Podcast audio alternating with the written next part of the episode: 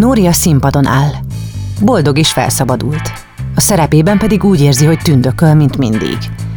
Még csak 12 éves, de a kiskamasz Nóri évek óta jár már a színjátszó szakkörbe, ahol úgy mozog, mintha csak a második otthona lenne. Általában övé a főszerep. Szó szerint és átvitt értelemben is. A színjátszó szakkör vezetőjének, Zsuzsának ő a kedvence. Ezt mindenki tudja. És ez olyan magabiztosságot ad neki, amitől tehetsége napról napra egyre látványosabban bontakozik ki. A családban már mindenki elkönyvelte magában, hogy belőle bizony színésznő lesz. De ma valami furcsa dolog van a levegőben. Zsuzsa, aki mindig csillogó szemmel hallgatja a kislányt, most ahelyett, hogy Nórira figyelne, a segédtanárral beszélget. A próba közben a kislány hiába keresi tanára megnyugtató és elismerő tekintetét, az egyáltalán nem figyel rá. Nóri igyekszik a szövegére és a próbára koncentrálni, de amikor a tekintete mégis a szeretett tanárára téved, meglátja, amint Zsuzsa miközben rámutogat, gúnyosan nevetni kezd, és odasúg valamit a segédtanár fülébe. Nóri ettől teljesen összezavarodik. Főleg miután rájön, hogy rajta nevetnek. Méghozzá nem éppen elismerően.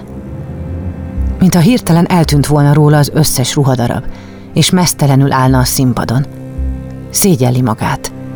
Legszívesebben lerohanna a színpadról, és olyan messzire futna, amennyire csak tud. Ám ezt nem meri megtenni, mert így is meg akar felelni. Akkor még nem is sejti, hogy ennek a belső kényszernek mekkora pusztító ereje van.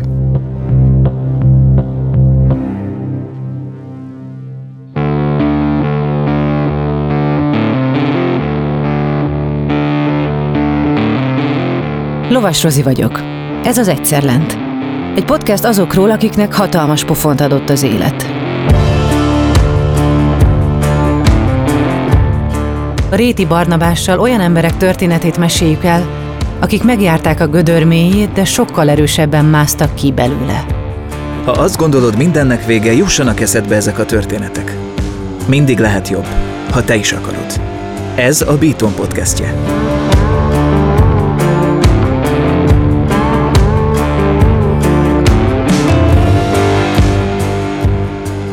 Nóri sikeres kreatív videós producer és rendkívül népszerű influencer, akinek tartalmai emberek millióihoz jutnak el. Férjével két évtizede alkotnak egy párt és élnek együtt boldogan két gyerek büszke szüleiként. De Nórinak hosszú utat kellett bejárnia, mire megtalálta a helyét a világban. Azt a helyet, ahol nem csak sikeresen és felszabadultan tud létezni, hanem ezzel másokat is erre tud ösztönözni. Ebben az epizódban elmesélem, hogy a szorongást hogyan lehet felhasználni, a kilátástalanságban megoldást találni, és a felismerés miképp gyógyítja be a sebeket. Ez semmilyen Nóri története.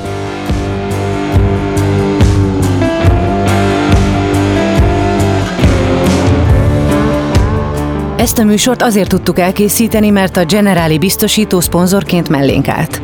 Hallgassátok meg, miért fontos nekik, ami nekünk is. A leggyakrabban a semmiből jön az a bizonyos pofon, ami a padlóra küld. Elveszíted a munkád, a társad, vagy a saját egészséged mondja fel a szolgálatot. Ahányan vagyunk, annyiféleképpen vagyunk rosszul, és annyiféle támogatásra vágyunk. Mi a Generalinál abban hiszünk, hogy empátiával, személyes kapcsolattartással és rátszabott megoldásokkal úgy tudunk segíteni, ahogy neked a legjobb. Azért támogatjuk az Egyszer Lent podcastet, mert tudjuk, hogy ezek a történetek nem csak elgondolkodtatnak, hanem segítenek abban, hogy jobban odafigyeljünk egymásra, és ezzel megelőzhetjük a bajt, vagy csökkenthetjük azok súlyosságát.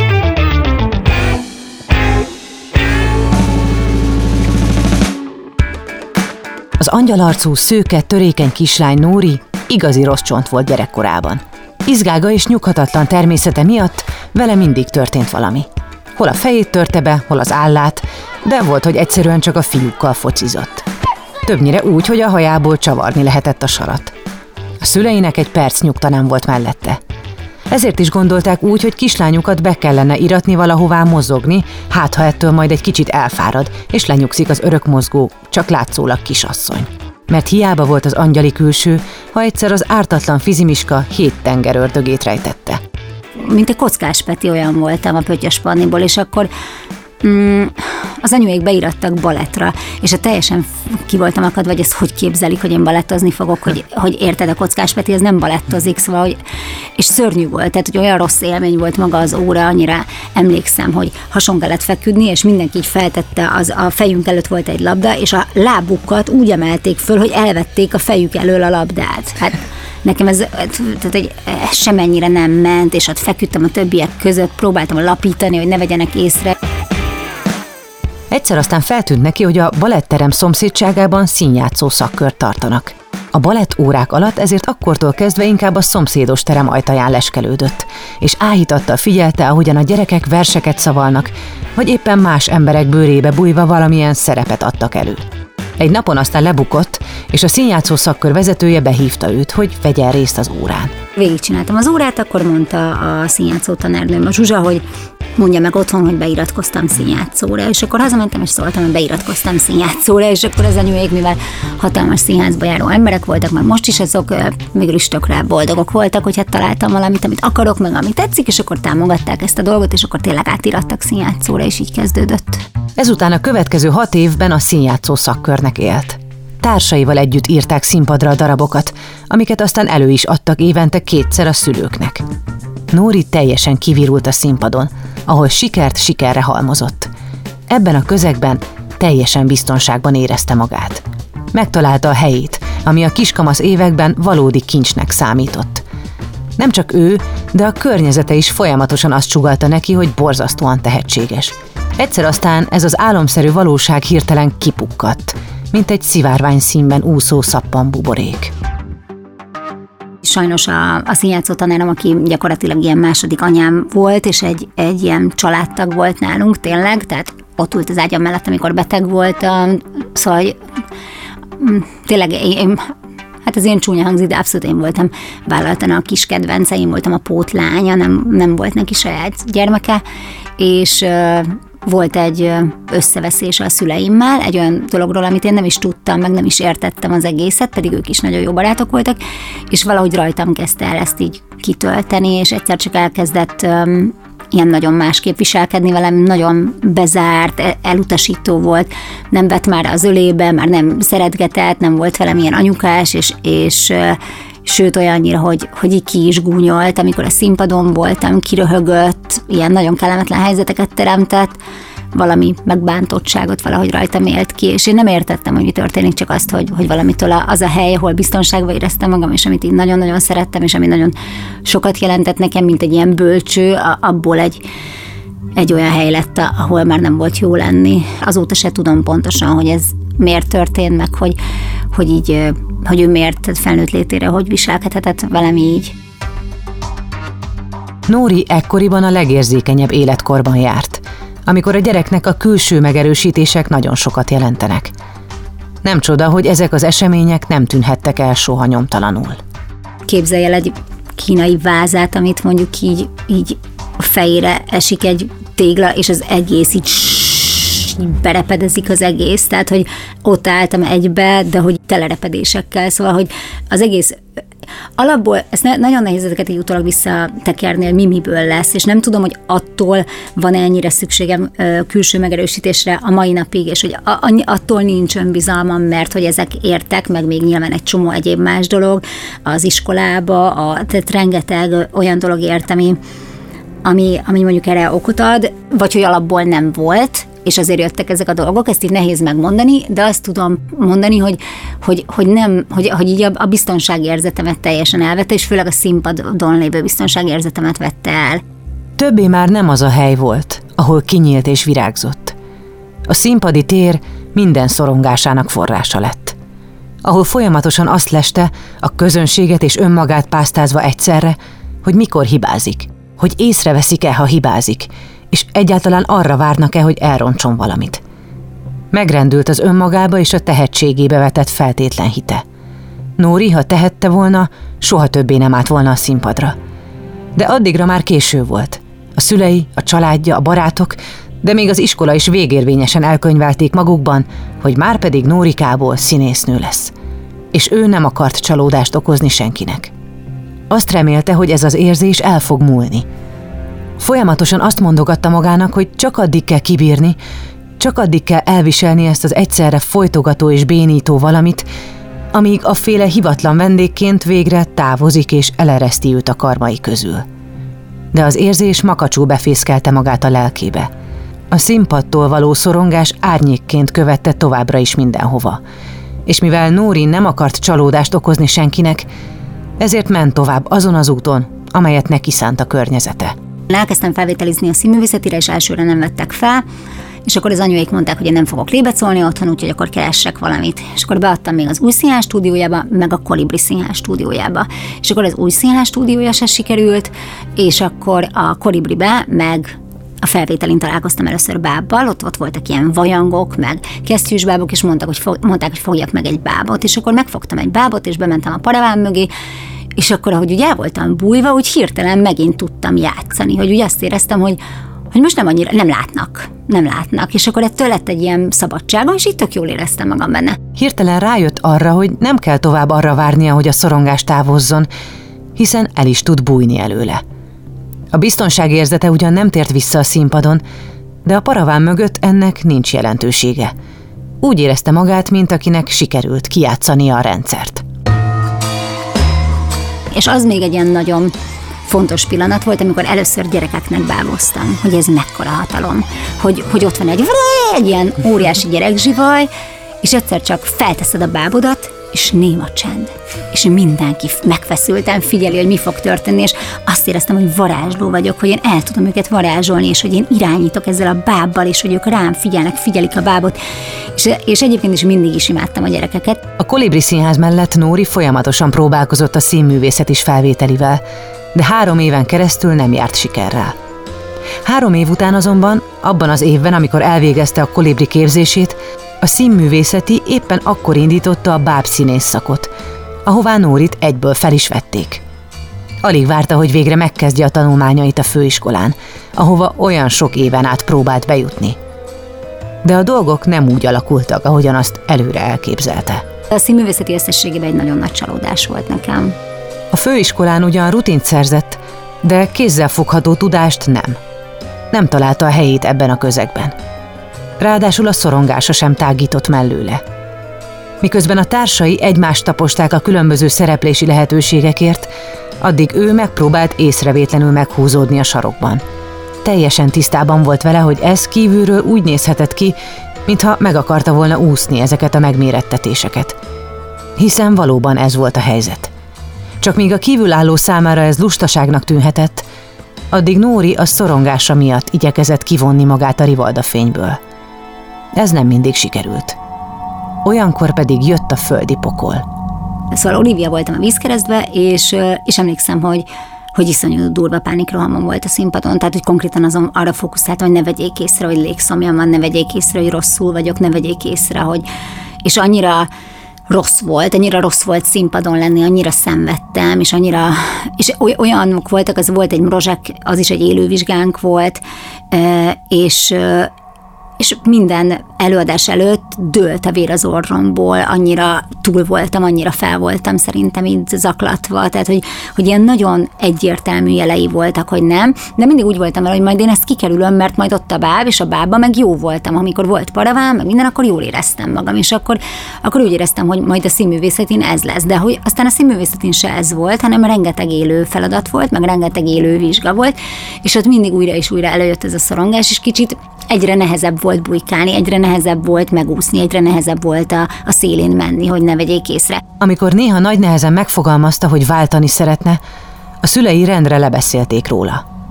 Ezért azt gondolta, hogy valahogy összeszorított foggal menni kell előre, és végig kell csinálnia az összes előre látható állomást, amelyek mindegyike kinkeserves szenvedés árán lesz csak megvalósítható. Közben belül rettegett. Félt, hogy valaki észreveszi a pánikrohamait, amik a szereplések közben törtek rá. Félt, hogy emiatt kiderül majd, hogy ő erre az egészre alkalmatlan, és semmi keresni valója nincs a társai között. És retteget attól, hogy ez az érzés már soha többé nem fog elmúlni, és egész életében kísérteni fogja, mint valami szellem. A megváltást az újonnan indított televíziós osztály jelentette. Azaz jelenthette volna, hiszen a kamera más, mint a színpad – Egy kicsit olyan érzése volt tőle, mint a bábozásnál a paraván mögött. Éreztem, hogy az nekem jobban az utam, és nagyon jól ment a felvétel, de a harmadrostán el kellett dönteni, hogy, hogy merre tovább, mert hogy nem lehet együtt csinálni a kettőt, és akkor például az anyuék lebeszéltek arról, hogy én oda menjek, mert nagyon féltek attól, hogy mi van, ha ott esetleg kirostálnak, majd egy rostavizsgán, a bábon meg már megcsináltam egy évet, hogy ott már nagyobb biztonságban vagyok, és hogy még színészként nyugodtan tévézhetek, ez egyébként igaz, fordítva meg nehezebb, és hogy maradjak csak a helyemen. Nagyon aggódtak értem. A legjobb szándékkal csinálták ezt, de hogy valahol benne tartottak engem ebbe a helyzetbe. És Nóri, ahogy szokott, ismét szót fogadott. Maradt a bábosztályban. De közben az egyik tanár felfigyelt a tehetségére a másik szakon, ezért gyakran látogatta a tévés osztály óráit. Itt talált rá a szerelem Marci személyében. Miután Marcival összejöttek és komolyabbra fordult a kapcsolatuk, többé már nem vett részt az órákon, mert Marcit feszélyezte a kedves jelenléte. Nóri ezért maradt ott, ahol volt. Ott, ahol egyébként rettenetesen kényelmetlenül érezte magát. Viszont lett két nagyon komoly bázisa Marci és az osztályfőnöke Metzner János személyében, aki egyébként a Budapesti Bábszínház igazgatója is volt. A főiskola után itt kezdett el Nóri bábszínészként dolgozni. A főnöke ugyan nem tudottak gondosan eltitkolt problémájáról, de tiszteletben tartotta, hogy Nóri nem szívesen vesz részt élő szereplős darabokban.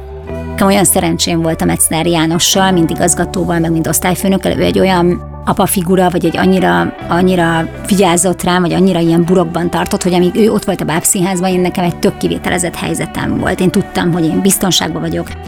De ettől még a helyzet fokozatosan egyre rosszabb és rosszabb lett. Miközben a férje karrierje egyre izgalmasabb és hívogatóbb irányt vett a tévés világban, addig ő szó szerint bujkált a munkahelyén. Az történt ugyanis, hogy a bábszínházban egyre több élő szereplős darabot mutattak be, de Nóri csak a klasszikus bábos szerepléseket akarta vállalni. Amit az igazgató ugyan elnézett neki, de a társulaton belül konfliktusokat szült. Nórit megbélyegezték. Ő volt az igazgató kis kedvence, aki a lustasága miatt mindig megúszza a munkásabb darabokat. Pedig ha tudták volna, mi az igazság. A gyerekei születése után a helyzet még drámaibb lett.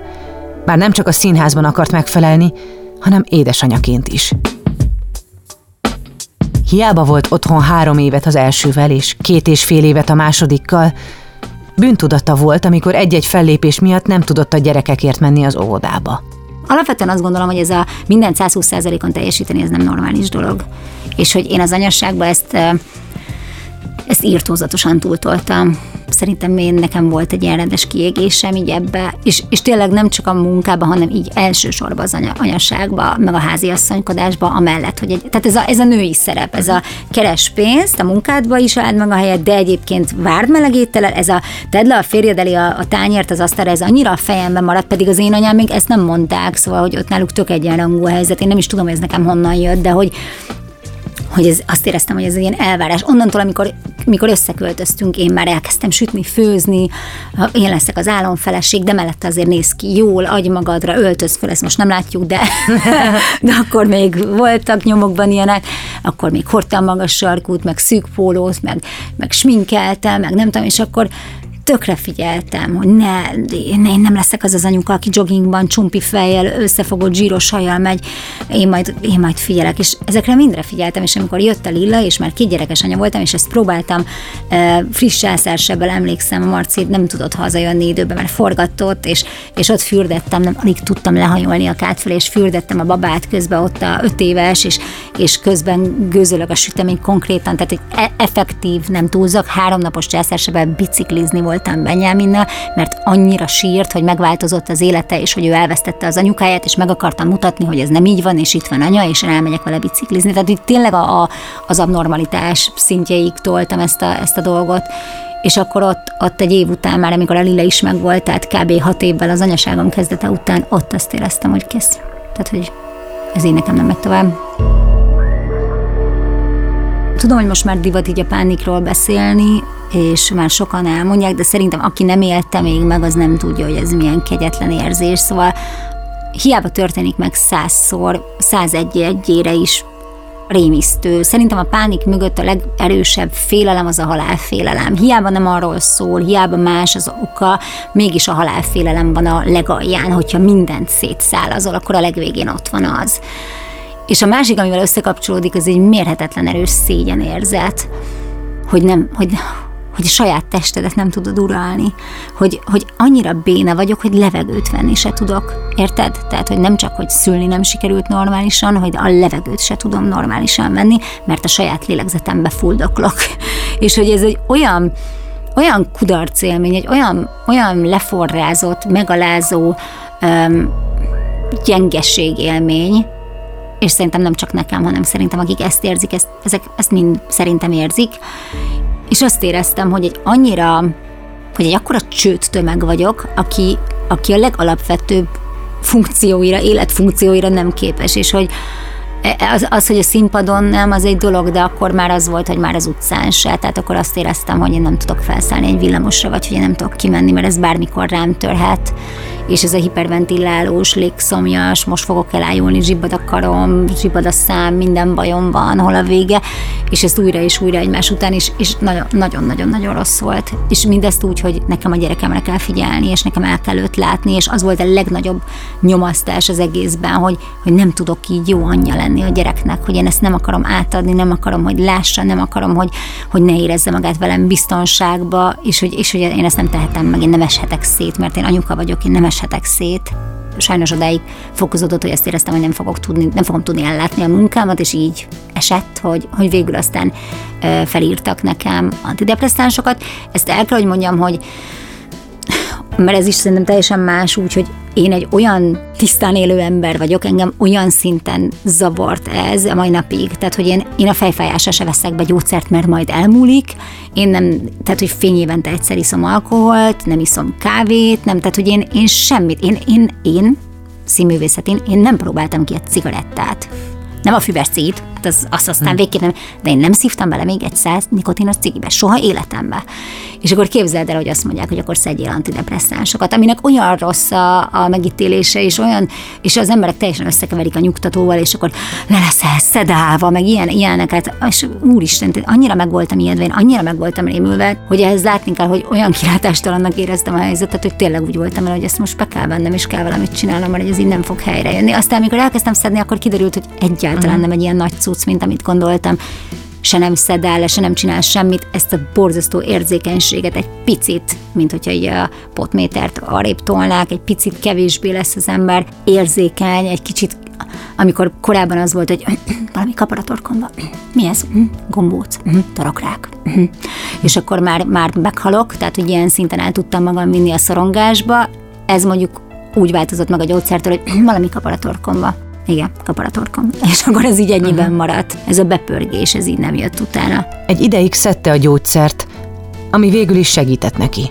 Mindennek ellenére viszonylag hamar letette a gyógyszereket és a természetes megoldások felé fordult. Mivel mindig is érdekelte a marketing és a PR, ezért gyakran segített a férjének kreatív tartalomgyártásban. Sőt, a Bábszínház marketing projektjeibe is beszállt. A Bábszínház igazgatója, az ő legfőbb szövetségese és bázisa azonban nyugdíjba ment. Nóri már egy ideje tudta, hogy így lesz, benne volt a levegőben a változás szere, de különösebben nem tartott az új helyzettől. Az igazgatói posztot végül Nóri volt főiskolai osztálytársa, Edina töltötte be. Az igazgatóváltást követően másnap Edina behívta magához Nórit, aki egy rövid bevezető után rögtön a lényegre tért és kirúgta őt. Miután az észérvek sem használtak, hogy már pedig ő szívesen segít a social és a marketing felületeknél, Nóri könyörögni kezdett. Ám Edina kérlelhetetlen volt. Meghozta a döntést. Kívül tágasabb. Ez az Egyszer Lent, a Beaton podcastje. A szünet után elmesélem, hogy mihez kezdett Nóra a kirúgása után, és azt is elmondom, hogy mit kezdett a szorongásával.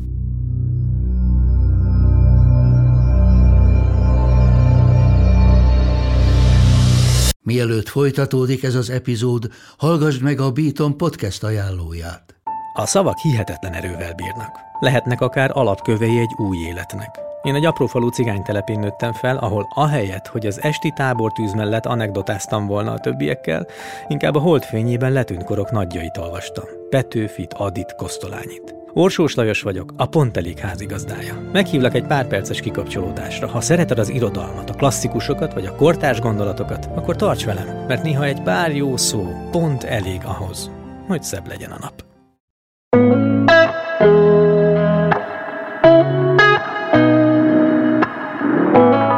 Folytatódik a Beaton Egyszerlen podcastje.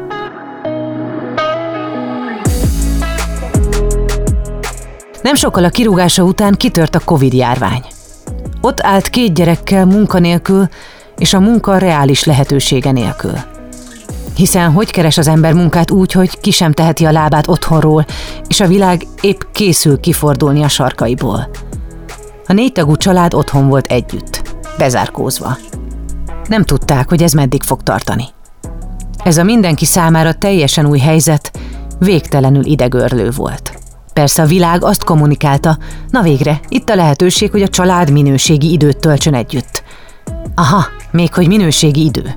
Háborodott fel Nóri, aki miközben az esélytelenek nyugalmával próbált állás után nézni, folyamatosan főzött és pakolt, és a gyerekei igényeit igyekezett kielégíteni. Anya, lefagyott a gépem, anya, kidobott a rendszer, lemaradok a matekóráról, segíts, anya! Nóri azt érezte, hogy még soha nem volt ekkora mentális és fizikai teher az életében. Szinte 0-24 órás szolgálatban volt. Azt gondolta, hogy erről beszélnie kell.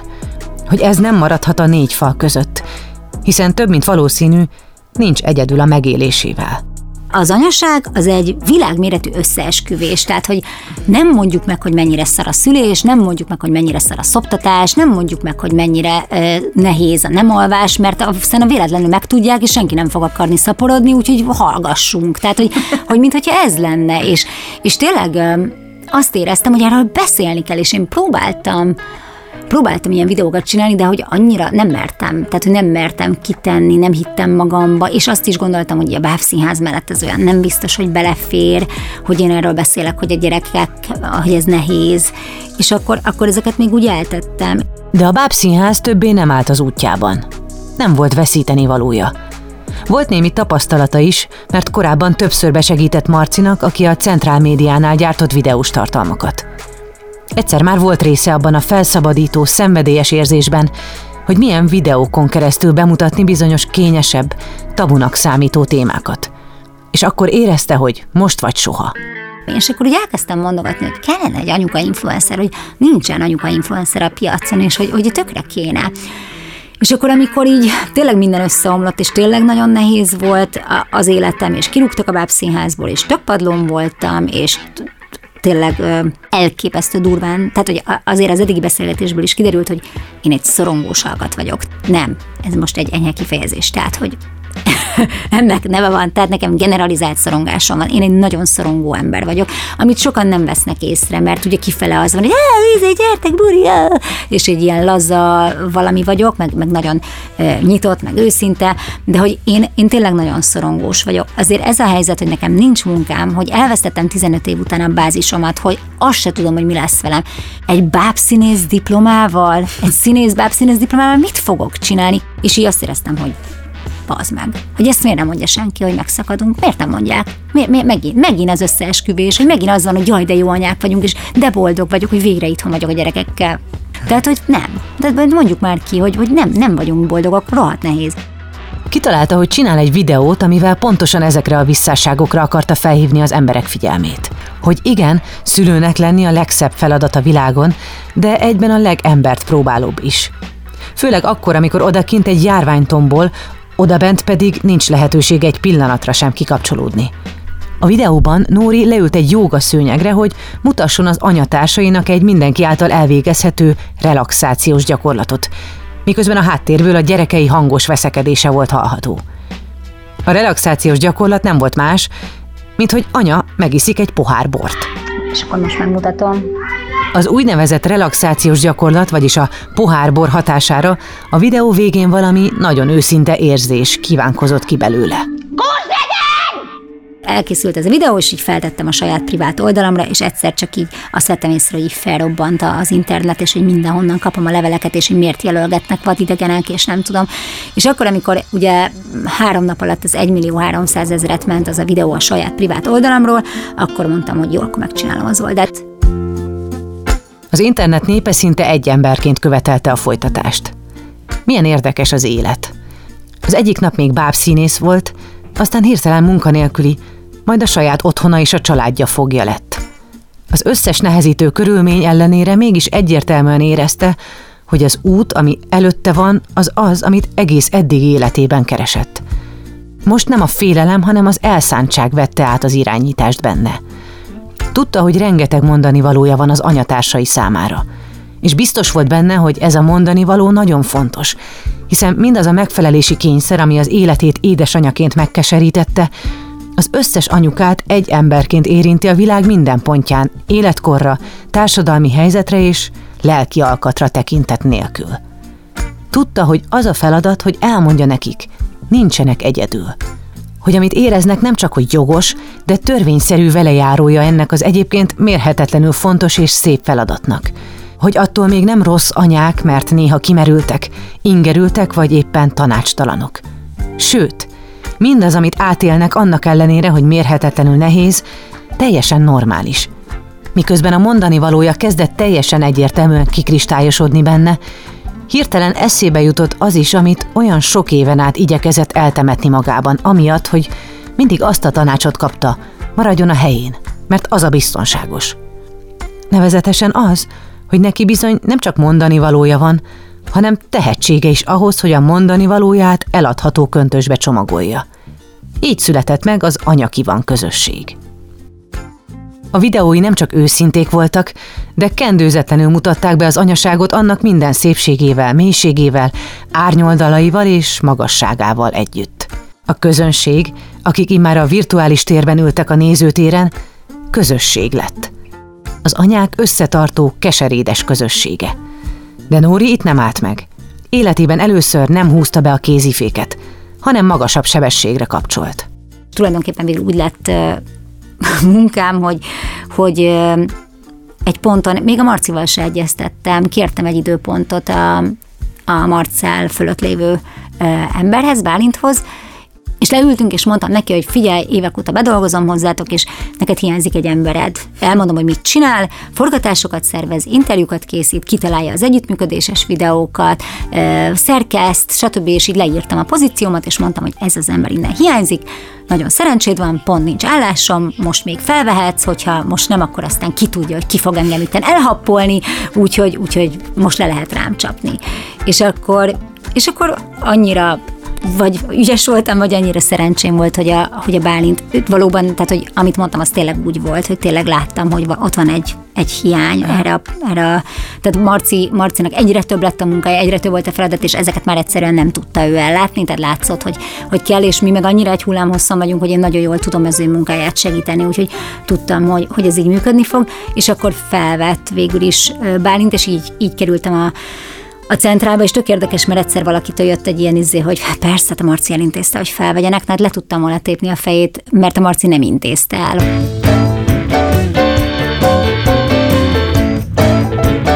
Lett munkája és szenvedélye.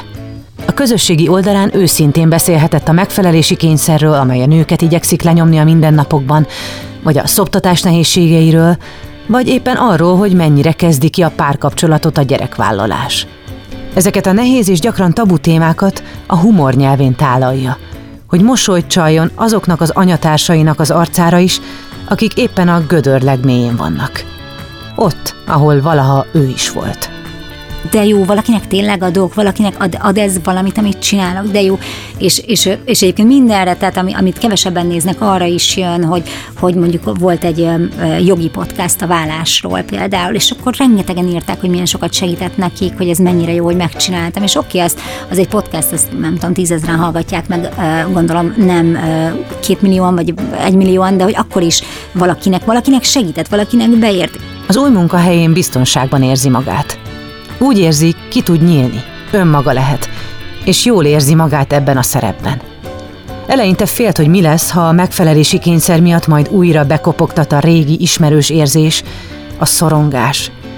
De aztán rájött, attól, hogy annyi év után végre tényleg a helyére került, és abban a szerepben van, amely olyan, mintha ráöntötték volna, ez a folytogató érzés már többé nem fogja beárnyékolni az életét. Ma már az oldala és a munkája természetesen a szerető családja mellett kéz a kézben átvezetik őt azokon a pillanatokon, amikor lelki nehézségbe ütközik. Mert a szorongás azért Nóri személyiségének egy elengedhetetlen része. Úgymond az ár, amit a mérhetetlen empátiájáért és érzékenységéért fizet.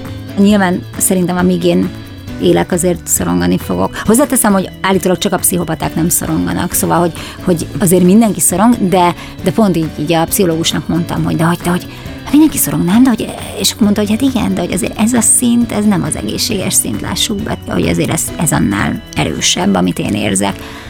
Nem tudom, jó lenne, ha nem ilyen lennék. Egyszer azt mondtam nekem egy pszichológus, hogy, hogy mondjuk ez nem tudom mennyire volt bullshit, de valami, valami, szóval valami van benne, hogy, hogyha elveszi a szorongásom, akkor ez rossz, rosszul fog a művészetemre, hogy, hogy higgyem el, hogy én a szorongásból, meg az, érzék, az érzékenységemmel tök jól tudok operálni. Tulajdonképpen a tartalmak, amiket gyárt, ettől működnek olyan jól. És nem csak szórakoztatnak, hanem a visszajelzések alapján nagyon úgy tűnik, hogy valós és releváns segítséget nyújtanak másoknak azzal, hogy ő felvállalta. Van olyan, hogy anyaki van.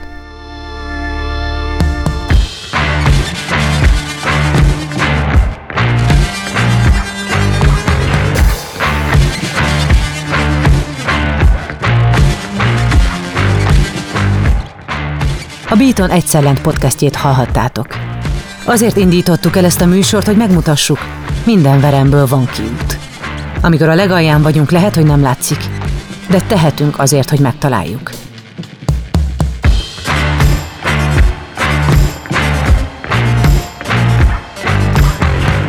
Ha tetszett ez az epizód, értékeld a lejátszóban 5 csillaggal. Iratkozz fel a csatornánkra, hogy ne maradj le a következő részekről. A beaton.hu oldalon megtalálod az összes többi műsorunkat is. Ott fel tudsz iratkozni a hírlevelünkre, amiben hetente ajánlunk podcasteket a világ minden tájáról.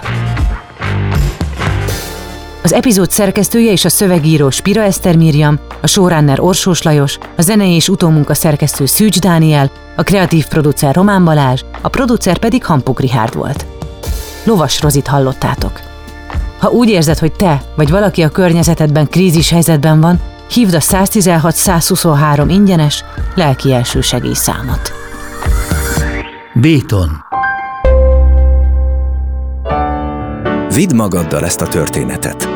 Ha van lehetőséget, kerüld el a bajt. Ha pedig már benne vagy, ne feledd, minden gödörből van kiút. Generali. Érted vagyunk.